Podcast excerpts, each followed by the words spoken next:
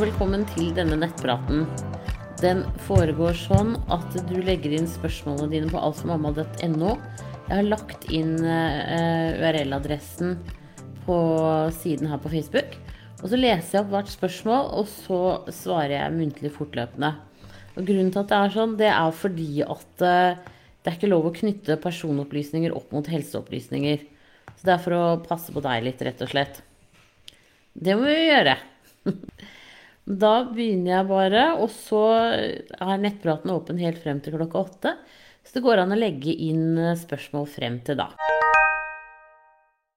Da er det Tanja 1985 som sier Hei sann. Jeg er gravid for andre gang, har en datter fra før av. Jeg sliter virkelig med å legge på meg. Har høy, skyhøy forbrenning. Så ja, graviditet nummer én var ikke lett. Nå er jeg 14 uker på vei. Har gått opp 1 kilo. Har vært mange ganger til ultralyd, og alt er bra. Jeg vet jo at jeg vil legge på meg litt, men da må ungen vokse mer. Når vokser ungen mest? Det er veldig vanskelig å si, for det kan være ganske individuelt fra baby til baby. Sånn at eh, jeg tenker at eh, her er det bare å følge opp i forhold til det som helsevesenet legger opp til. For du skal ikke behøve å gå på egne private ultralyder i forhold til dette. Her er det det offentlige som skal stille opp. Så jeg tenker at eh, du får bare følge det programmet de legger opp. Og så tenker jeg at siden du har så skyhøy forbrenning, så håper jeg noen har sjekka stoffskiftet ditt. For det er klart at hvis du er i en sånn situasjon hvor, hvor du har et veldig høyt stoffskifte, så vil også forbrenningen din være veldig høy. Og det går det an å gjøre noe med med medisiner. Så, men det, det, regner jeg med at de har sjekka. Og da, da, er det liksom Det er jo sånn det er. Altså noen sliter med å legge på seg, og andre sliter ikke like mye med å legge på seg. Sånn at um, Der er vi jo rett og slett veldig forskjellige. Men sånn tradisjonelt sett så har man jo sagt at uh, babyen får i seg det den trenger. Uh, sånn at uh, jeg vil jo tro at det også kanskje gjelder deg.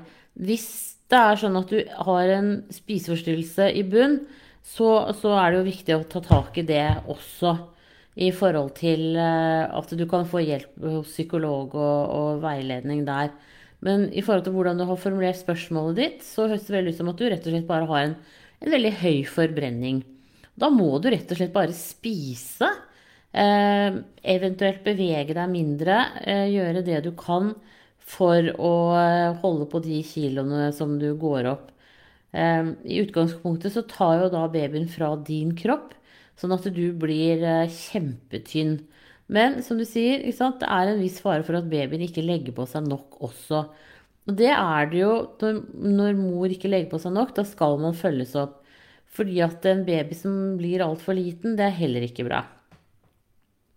Så, så, få god hjelp der hvor du eh, går til kontroller, og så se på liksom type mat du spiser. Er det noe mat som kunne liksom gi deg litt mer energi? Um, hadde det hatt noe for seg å gå til noen kostholdsveiledning hos en dietetiker? Eller ernæringsfysiolog, heter det vel nå for tiden. Bare sånn for å få, uh, få i deg mest mulig mat med energi. Det er ikke sånn at du bare skal spise fett heller. Det må være noe uh, som, som passer til akkurat deg. Så eh, gå til jordmor eller fastlege og eventuelt bli henvist videre og få hjelp i forhold til det. Fastlegen din bør definitivt ta, teste deg i forhold til stoffskiftet ditt. Da ønsker jeg deg riktig lykke til videre, og tusen takk for at du følger meg her. Og så håper jeg at du greier å legge på deg litt mer fremover, i hvert fall. Og du bør Altså selve babyen og alt eh, er jo utgjør ca. 12 kilo. Så noe opp mot det bør du legge på deg aller, aller helst. Men det er ikke alltid lett. Da ønsker jeg deg riktig, riktig lykke til videre, og tusen takk for at du følger med her. Ha det bra! Og så er det eggløsning som sier Hei, jeg sluttet på p-piller 13.9. De to siste dagene har jeg hatt mye murring og vært øm nederst i magen. I dag kom det masse eggløsningsslim.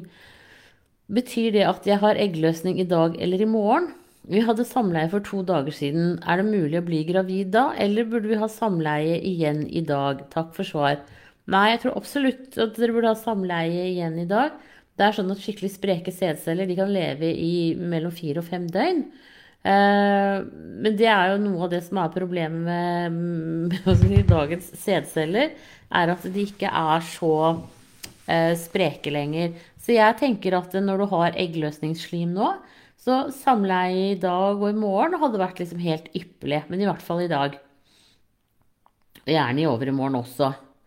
Eh, så får vi krysse fingrene og håpe at du blir gravid på denne runden her. Ha det bra! Og så er det etterier som sier Hei, har fått barn nummer to for elleve dager siden. Er veldig av og på med etterier. Har god effekt av Ibux og Paracet. Men når skal dette gå over? Ja, jeg tenker at uh, dette begynner å bli litt lenge. Så kanskje du skulle ringt til barsel eller fått en kontroll hos jordmoren din bare for å sjekke at du ikke har noen rester i livmoren. Uh, det kjenner de fort ved å kjenne utvendig på, på livmoren din. Ehm, det er klart at man har ettergi lenger enn når man har født barn før, men elleve dager, da er jeg enig med deg, da begynner det å bli litt lenge. Så ring barsel nå i kveld, eller og hør om du bare kan komme opp så de kan bare kjenne på deg. Eller om at du kan komme til jordmoren som du har gått til i graviditeten i morgen. Eh, sånn at, eh, at du kan bli kjent på der også. Og jeg tenker eh, Det tror jeg faktisk er absolutt det aller beste. Det er greit å få en sjekk nå. Da ønsker jeg deg riktig lykke til videre, og tusen takk for at du følger med her. Ha det bra! Og så er det gravid i uke 32 pluss 3. Hei, jeg lurer på noe her nå. Jeg har morkaka foran, gravid i uke 32 pluss 3 i dag. Først må jeg nevne at alt i svangerskapet har gått fint. Jeg har hatt fine blodprøver, fin HB, bra urinprøver. Bra blodtrykk, baby som vokser fint, og kurven ser helt nydelig ut på skjemaet. Men så er det jo det med morkaka foran, da. Altså ikke foran fødselskanalen, men front ved mage. Jeg syns det med å kjenne livet er veldig vanskelig. Jeg har kjent hver dag, så klart, men plutselig for en uke siden kjente jeg ingenting en hel dag. Kontaktet sykehuset, og de tok CTG og ultralyd, alt var så bra. Gode bevegelser på baby, og CTG var utmerket, sa de. Men de spurte om jeg kjente at baby flyttet på seg nå, men det gjorde jeg ikke, selv om vi så det på skjermen. De kontrollerte alt. Gjennomstrømning i morkake, mål osv., og, så og alt er så fint. Dagene gikk, og jeg kjente noe, men plutselig etter noen dager kjente jeg romsteringen godt igjen, og masse. Hun har vel mest sannsynlig flyttet på seg igjen, og ligger slik at jeg kjenner mer igjen. Eller er det noe galt, f.eks. at hun nå har hatt fem dager med mye aktivitet, og så i dag er det tegn til baby her, men ikke på lik linje. Jeg er så redd for at babyen min ikke er frisk, siden det er så opp og ned. Eller er det morkaka sin plassering sin skyld i at det er så forskjellig på liv? I en aktiv periode hun hadde Nå hadde jeg 32 ukers kontroll hos jordmor, og hun hadde puls eller hjerteslag på 140, som er helt normalt. Så selv om hun var aktiv, var hun sikkert ikke stresset. F.eks. i går var det mye bevegelse, men også stille når babyen sov. Men i dag er det ikke sånn som det var for noen dager siden. Igjen med masse bevegelse. Blir så forvirret. Ja, det kan være to grunner til dette her. Fortsatt så har babyen din ganske god plass. Eh, og det gjør at eh, hvis babyen ligger og sparker inn mot din rygg, så kjenner du ikke bevegelsene så godt. Og så har du også det at, eh, at eh, du har foreliggende, eller morkaken på fremre vegg, som også virker som en sånn pute. Så jeg tenker at når du blir veldig bekymra, så, så be om en time ekstra hos jordmor f.eks. Bare sånn for å, å bli lytta på og høre at alt er greit. Eller så er det sånn at i løpet av noen uker nå så kommer antageligvis babyen til å gå enda lenger ned i bekkenet og feste hodet. Og da kommer bevegelsen til å bli likere. Det kommer til å bli lettere for deg å kjenne. Så jeg tenker at frem til bevegelsene blir litt likere, når du da føler at liksom, nei, nå ble du veldig stressa, så tar du ringer til jordmoren din eller til sykehuset, og så snakker du med dem, og så tar de deg inn for en sjekk. Um, det er bare sånn det er for noen, og, og, det er ikke alltid man kan rå med det, annet enn at man faktisk da bare må få en sjekk. Så det tenker jeg at det er nok det som kan være bra for deg. Uh, så ikke, ikke vær noe blyg, ikke tenk at du mm, stress, altså sånn uh, misbruker uh, det, det som finnes av tilbud. Her er det bare å ta for seg. Så, jeg, så Heller det enn at du går og blir kjempebekymra for at babyen ikke beveger seg.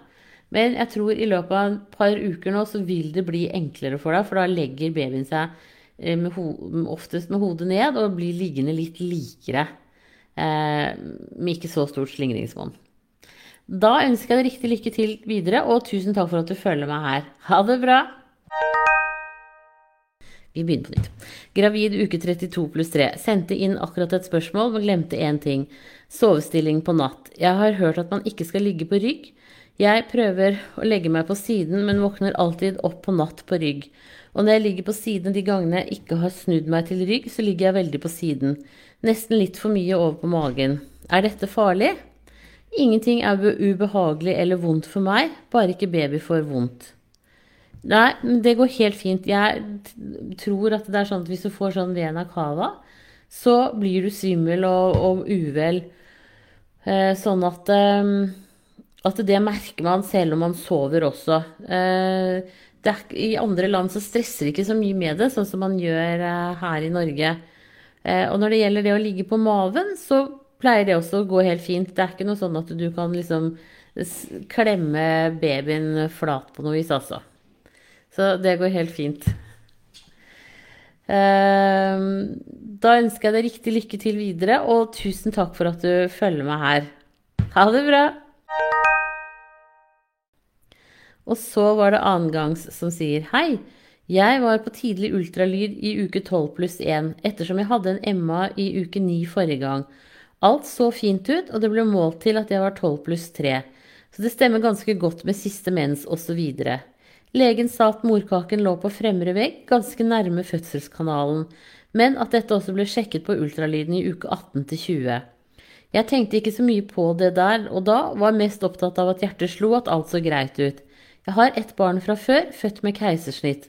Hva vil dette ha å si fremover, er det risiko for å ha morkaken foran? Fra å være ganske lettet og glad er jeg nå nervøs og bekymret. Nei, i sånn utgangspunktet så trenger du absolutt ikke å, å, å være noe bekymret for det. Eh, det er sånn at eh, på en måte morkaken sitter på et sted, og så når, når eh, Etter hvert som livmor liksom vokser oppover, så følger som regel morkaken med.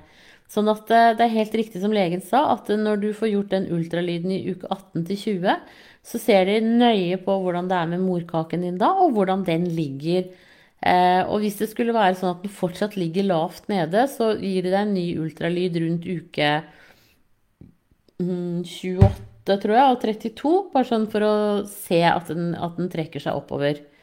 Eh, det er mer når den ligger helt foran at det, at det kan bli problemer. Og da da, også, da, vil det også eventuelt bli et keisersnitt hvis det skulle skje.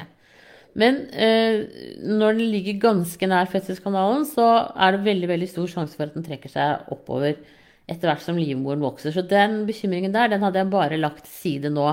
Og så heller nytt graviditeten, og så sett eh, hvordan det eh, går videre. Da ønsker jeg deg riktig lykke til videre, og tusen takk for at du følger meg her. Ha det bra! Og så er det Hermine som sier Hei, jeg har gått på P-ring i mange år og har flere barn som har vært lett å unnfange. Jeg slurvet litt med p-ring forrige måned, satte inn fire dager for seint, og også denne måneden åtte dager for seint pga. mange uforutsette hendelser. Nå fikk jeg endelig tak i ring på dag åtte og satte den inn. Har hatt ensidige murringer og nå en klump i magen. Jeg lurer enkelt på, er det farlig om jeg lar ringen sitte på nå i tre uker fremover dersom jeg er gravid? Siste blødning startet for tolv dager siden. Jeg har ikke tatt test fordi jeg fikk blødning etter at jeg tok den ut forrige syklus. Så hvis jeg da ikke var gravid, er det nå er, er det nå er det jo altfor tidlig å teste. Hilsen usikker Hermine. Jeg tenker at du kan lese på pakningsvedlegget på P-ringen. Men jeg tenker at uh, for å se om, om, det går greit å bruke den nå uh, Det pleier å være greit med p-piller. Sånn at eh, jeg kan ikke skjønne annet enn at det i utgangspunktet er greit for oss som med p-ring. Men hvis du går inn på felleskatalogen.no og, og, googler og søker på p-ring, eller du ser på pakningsvedlegget på navnet på den p-ringen du bruker, så vil det stå der også. Eh, det er klart at sånn ensidige murringer det tyder jo veldig på eggløsning. Eh, sånn at det kan godt være at det er det som skjer. Eh, at du At det er det. Men det kan jo selvfølgelig også være at du kan ha blitt gravid. Så sånn sett så kunne du jo Jeg tenker det er sånn du sier, det er like greit å vente med å teste til du er ferdig med å bruke denne p-ringen her.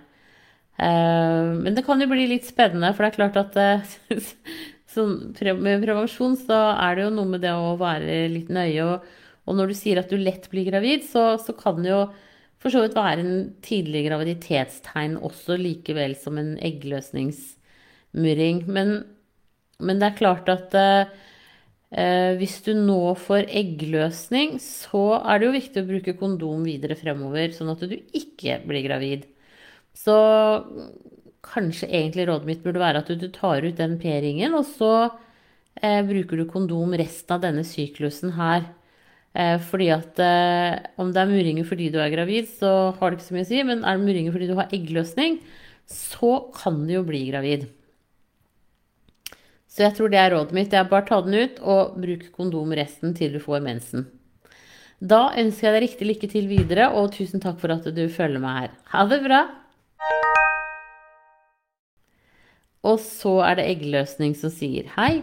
Jeg måtte igjennom et svangerskapsavbrudd i mai 2020 grunnet alvorlig hjertefeil. Feilen ble oppdaget på ultralyd i uke 20.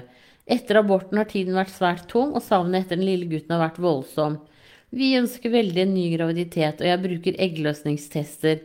Men vi får aldri en positiv test. Forrige graviditet gikk på første forsøk. Jeg bruker fremdeles Folat og Omega-3, men er det noe annet jeg kan gjøre for å få fart på eggløsningen, eller kan jeg ha eggløsning uten positiv test? Jeg kjente forresten litt stikking i eggstokkene sist uke, da jeg skulle hatt eggløsning i følge siste mens. Jeg har 28 dagers syklus til vanlig, men etter aborten har jeg hatt syklus 1 på 24 dager og to sykluser på 29 dager. Håper på svar. Ja, det der er ikke så veldig lett å si, da. Eh, for det er jo klart at du Høyst sannsynlig så har du en eggløsning siden du eh, får mensen. Men det du kan gjøre, er å gå til fastlegen din og så få målt hormonnivåene i kroppen. Eh, for det er jo mulig å ha mensen uten å ha eggløsning også. Og det er også fullt mulig at eggløsningstestene ikke virker. Så her er det flere faktorer. Så jeg tenker at eh, en tur til en gynekolog eller til fastlegen din, det er kanskje det lureste du kan gjøre. Rett og slett. Men da eh, ønsker jeg deg riktig lykke til videre. Håper du snart blir gravid, eh, og at det klaffer. Og tusen takk for at du følger meg her. Ha det bra! Og så er det ønske om nummer tre. Hei, jeg hadde superpositiv eggløsningstest fredag den 25. september. Vi hadde sex tirsdag, fredag og søndag morgen. Jeg har også fått svar på at jeg har lav progesteronnivå. Først spørsmål er samleietiden innenfor tro. Har begynt på Wild Jam i dag, femte dag etter eggløsning. Hvor lenge kan jeg gå på disse tablettene, og hvor mye? Er det skadelig å gå på dem? Og, og, blir, og lignende. Jeg blir øh, gravid. Tar også Forlat og gjort i seks måneder nå, og omega-3 og D-vitamin. Min lege mener jeg ikke får progesteronhjelp via resept siden jeg har to barn fra før. Men jeg syns det er trist å ende i SA hele tiden. Takk for en flott side. Hilsen fast lytter av podkasten. Takk for at du lytter. Ja, jeg må lese meg litt opp på William uh, hvor lenge det er du skal ta det, for det husker jeg ikke helt. Og så tenker jeg at det kan hende at du kunne gjøre andre ting enn å ta progesteron. Uh, siden uh, Jeg syns jo det høres innmari rart ut at du ikke skal få det på resept selv om du har to barn fra før av. Uh, Erna har jo sagt at vi trenger flere barn. Da må de jaggu meg gjøre det de kan. Jeg skal sjekke litt, jeg. Ja. Og så har hun Anette Heggemsnes på Frøya-klinikken hun er knallgod på hormoner, selv om hun er, er naturmedisiner. Så jeg tenker at jeg skal legge inn linken til henne der. eh, her hos deg nå. Og så tror jeg faktisk at jeg har laget en pod med henne også, og det ligger en artikkel ute. Men de tingene skal jeg finne, og så skal jeg legge dem her til deg. Eh, for jeg tenker at du kan jo ikke gi deg på, på dette her. Og så syns jeg det er veldig rart at du ikke skal få progesteronhjelp, da. Eh, det er nesten på grensen til at man kanskje skulle hørt med en annen lege, eventuelt en gynekolog. Eh, jeg har ikke hørt det før, men kanskje det er sånn det er. Eh, jeg skal sjekke litt, og så skal jeg gi deg et skriftlig svar i tillegg til dette. Men da ønsker jeg deg riktig lykke til videre. Og så Jo, det med samleiene, de er helt innafor. Der har dere gjort det helt riktige, tenker jeg. Så det, det der Sånn sett så burde det jo klaffe. Men da skal jeg sjekke litt, og så kommer jeg tilbake til deg. Da må du ha riktig lykke til videre, og tusen takk for at du følger meg her. Ha det bra! Og så kommer det et langt spørsmål. Frykt for andre gang. Hei, kjære fine deg. Mitt spørsmål handler om en frykt jeg har for fødsel. Jeg er gravid i uke 15 og merker allerede at frykten kommer og tar unødvendig plass. Det er andre gang jeg føder, og den samme type frykten består. Det gjelder engstelse over hvordan jeg blir møtt når jeg kommer på sykehuset i fødsel. Jeg har tre venninner jeg vet om som ble sendt hjem igjen etter ankomst mot deres vilje, basert på gjennomsnittstall i forbindelse med varighet av fasen før aktiv fødsel. Resultatet var da at de fikk rasende dårlig tid da de endelig fikk plass på sykehuset. Mulighet for epidural eller noe som helst ro var langt forbi innen de fikk lov å komme inn. Dette var i Oslo. Selv fødte jeg rett før prematurgrensen sist gang. Det startet med vannavgang. På telefon med føden sa de at pga. prematur måtte jeg dessverre komme inn med en gang. Hadde jeg vært et par dager senere, så sa hun at ville sagt, hun ville sagt vent i åtte timer til. Hennes dessverre fjernet jo min primære frykt den gangen. Hadde jeg måttet vente Det er ikke pent av meg å le, altså. Men dette her er jo bare Det er jo egentlig tragisk. Hadde jeg måttet vente åtte timer hjemme, hadde jeg nok ikke klart å komme meg inn, selv om jeg bor i Oslo. Jeg ønsker for øvrig ikke å håpe på prematur fødsel igjen, bare for å føle meg trygg på at jeg må komme inn i tide. Det tok ti timer fra første tegn, som var vannavgang, til ungen var ute sist. De sa at neste gang ville det, mulig, ville det mye mulig gå ganske fort. Denne gangen er jeg enda mer fiksert på tanken på epidural enn sist, da bekkensmerter gjorde at jeg ikke fikk pauser mellom riene før epiduralen. Ble helt forknytt, skalv mellom riene og merket nesten ikke når riene avsluttet. Mulighet for epidural forutsetter jo at man ikke kommer inn for sent. Jeg er altså redd for å bli møtt med en nesevis holdning hvor jeg føler at jeg må krangle meg til å få komme inn. Er dette en helt irrasjonell frykt hos meg, eller tror du dette forekommer? Det skal sies at venninnene mine med disse opplevelsene nok kanskje kunne stolt litt mer på egen opplevelse av smertegrad og stått enda mer på sitt. Har du noen forslag til virkemidler jeg kan planlegge i hodet mitt for hvordan jeg kommuniserer behovet mitt om å bli værende på sykehuset? Hvordan kan jeg bli best hørt, uavhengig av hva slags holdning personen jeg møter, har? I hodet mitt forbereder jeg meg på å bli bedt om å dra hjem, for så, etter en mislykket diskusjon, legge meg ned på gulvet foran de og skrike til de gir meg et rom. Det høres ut som jeg er gal, men denne frykten er virkelig i hodet mitt, og jeg blir utslitt av tanken. Fødsel er noe jeg i utgangspunktet gleder meg til. Det er jo dette jeg ønsker å fokusere på, og ikke minst jobben jeg skal gjøre når jeg er i gang. Vil også spørre om du vet om noen slags oversikt over kommunale jordmødre og omtaler. Har ikke lyst på samme jordmor igjen, da hun avskrev frykten min som tull sist gang, og egentlig bare bekreftet den spydige og bedrevitende holdningen jeg faktisk er redd for å bli møtt med. Håper dette ga mening. Tusen takk for alt du deler med oss. Jeg er så takknemlig. Ja, men så hyggelig å høre at du i hvert fall liker det vi holder på med her. Ja, eh, nå er det jo på en måte I Oslo nå for tiden så er det et uheldig sammenfall med covid. Og det gjør at folk blir bedt om å være hjemme lengre, og de må være mer alene. Dessverre pga. dette. Når det er sagt, så tenker jeg at det er, liksom, det er, flere ting som det går an å gjøre noe med. Og det ene er at du f.eks. kan søke deg inn på ABC. Eh, der slipper du inn tidligere eh, enn, om, enn, på den vanlige fødeavdelingen, faktisk. Eh, og så er det også sånn at det fins alternativer til epidural. Det ene er Nå har de begynt å sette, i hvert fall på Ullevål, har jeg hørt i det siste, eller kanskje de har holdt på med det lenge, jeg har bare ikke hørt om det før, en såkalt spinalblokade. Som kan settes relativt seint i forløpet. Og så har du også noe som heter pudendalblokade, som kan settes inn i skjeden rett før babyens hode kommer, hvor man da bedøver hele bekkenbunnen Eh, sånn at ikke du kjenner akkurat at hodet kommer, men du, du får liksom jobbet eh, med riene og kroppen frem til da, eh, og så tar det den, den største smerten.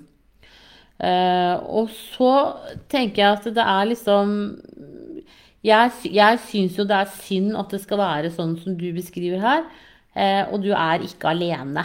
Du er ingen, du er ingen pisle. Dette her er dessverre en del av hva skal jeg si, virkeligheten. Og det er veldig synd at det skal være sånn. Og det er, det er liksom en kombo av rett og slett dette med covid nå som gjør at det har blitt mye vanskeligere, særlig på Oslo-sykehusene.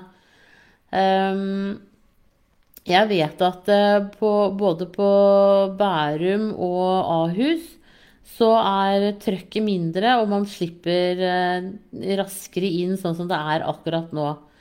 Og så er det sånn at Eh, på Ullevål så det, det er for lite stue, fødestuer, det er for lite folk. Og det gjør at de også på en måte ber folk om å, å være hjemme lengre. Um, Ullevål er et fantastisk sted, og de som jobber der, er også helt fantastiske. Det er bare at det er litt trangt der, rett og slett. Så hvis man på en måte ringer det er, akkurat, det er noen døgn hvor plutselig folk skal føde veldig mye, Eh, og da kan det bli liksom fullt på Oslo-sykehusene. Men da går det an også å, å, ringe til Bærum eller Ahus og høre om de har plass.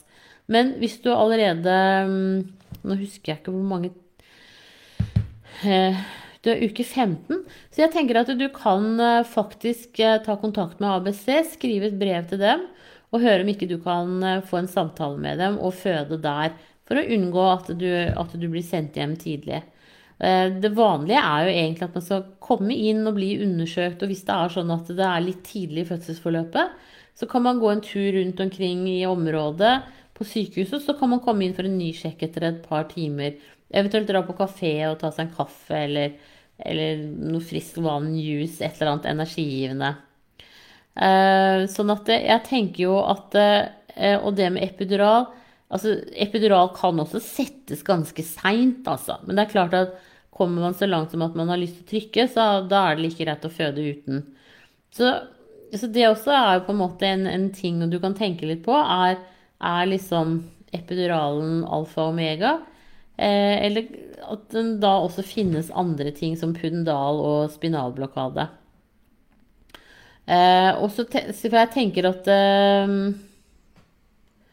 og så er det også sånn at du kan be om å få en annen jordmor både i graviditeten og under fødsel hvis du har dårlig kommunikasjon. Nå har vi i Nå skal jeg være så frekk og skryte. Eh, vi i Jordmorforeningen vi har jobbet veldig for å få flere eh, jordmorstillinger på helsestasjonene.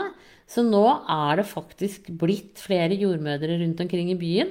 Så det kan godt hende at det er flere jordmødre på den helsestasjonen hvor du sogner til. Eh, og da kan du spørre om å få en av de andre. Det er helt vanlig. Og vi kan også bytte underveis. Det gjør vi også der hvor jeg er. Sånn at eh, Sånn er vi jo forskjellige. Noen prater vi med, og andre prater vi ikke så lett med. Og da tenker jeg at eh, da kan du be om å få en annen enn en den du hadde forrige gang. Um, så jeg syns absolutt at det du sier her, gir mening. Du er aldeles ikke alene om å ha den engstelsen nå. Uh, og den Du kan si at liksom den, den, med å prøve å holde folk unna, det har blitt forsterket uh, gjennom covid, dessverre. Og det er jo også sånn uh, Det med at mennene ikke får lov å være med noe særlig og sånn, det er også kjempestusslig for dem. Og selvfølgelig for dere som skal føde. Så covid har liksom på en måte en, en hva skal vi si, den, den, har en litt sånn ødeleggende effekt utover bare det at man på en måte For de stakkarene som blir sjuke, så, så, ødelegger det for ganske mange, altså. Så dette her blir bra når den vaksinen etter hvert kommer. Og sånn sett så er det jo også fornuftig å ta influensavaksinen i år for gravide, for at du har på en måte ikke råd til å Altså, du, en, når du får en influensa, så blir man ganske sjuk. Eh, og det da har du et nedsatt immunforsvar, og det vil også på en måte øke faren for å få covid. Så det syns jeg også dere skal avtale med fastlegene deres, sånn at dere får influensavaksine, dere som er i andre og tredje trimester. Eh, og den har kommet allerede nå, eh, sånn at det er bare å, å gå til fastlegen og få den. Og gravide er i risikogruppen og bør absolutt få den. Ja, så nå hoppet jeg glatt over på, på på vaksiner her. Men, men, jeg tenker at det, det, det fins ting å gjøre i forhold til deg for å, å gjøre det lettere for deg. Så eh, ikke gi opp helt enda. Eh, det går også an å få en sånn bekymringssamtale med både lege og jordmor på sykehusene. Eh, og på Ullevål og Riksen så er det Gaia teamet som, som du kan be om å bli henvist til. Og da lager man på en måte en slags sånn avtale som de på føden skal forholde seg til når man kommer inn for å føde. Så det tenker jeg også vil kunne være en, en bra ting for deg. Du skal slippe å gå igjennom denne graviditeten og grue deg sånn som du gjør nå. Så eh, ta kontakt eventuelt med ABC. Eh, og også få en ny jordmor på helsestasjonen som du sogner til. Det tror jeg kan være en veldig bra investering for deg. Og kom gjerne tilbake her igjen og, og fortell videre hvordan det går. Det er kjempehyggelig. Da ønsker jeg deg riktig lykke til videre, og tusen takk for at du følger med her. Ha det bra! Da var det kveldens siste spørsmål, så da må dere ha en strålende aften videre, og så er jeg tilbake igjen eh, en eller annen dag eh, i uka som kommer. Det er litt sånn Jeg må se når det passer. Nå har jeg full jobb på dagtid på helsestasjonen. Da blir det liksom ikke helt det samme. Men jeg syns jo denne jobben her også er helt superduper hyggelig. Ha det riktig bra. Vi snakkes!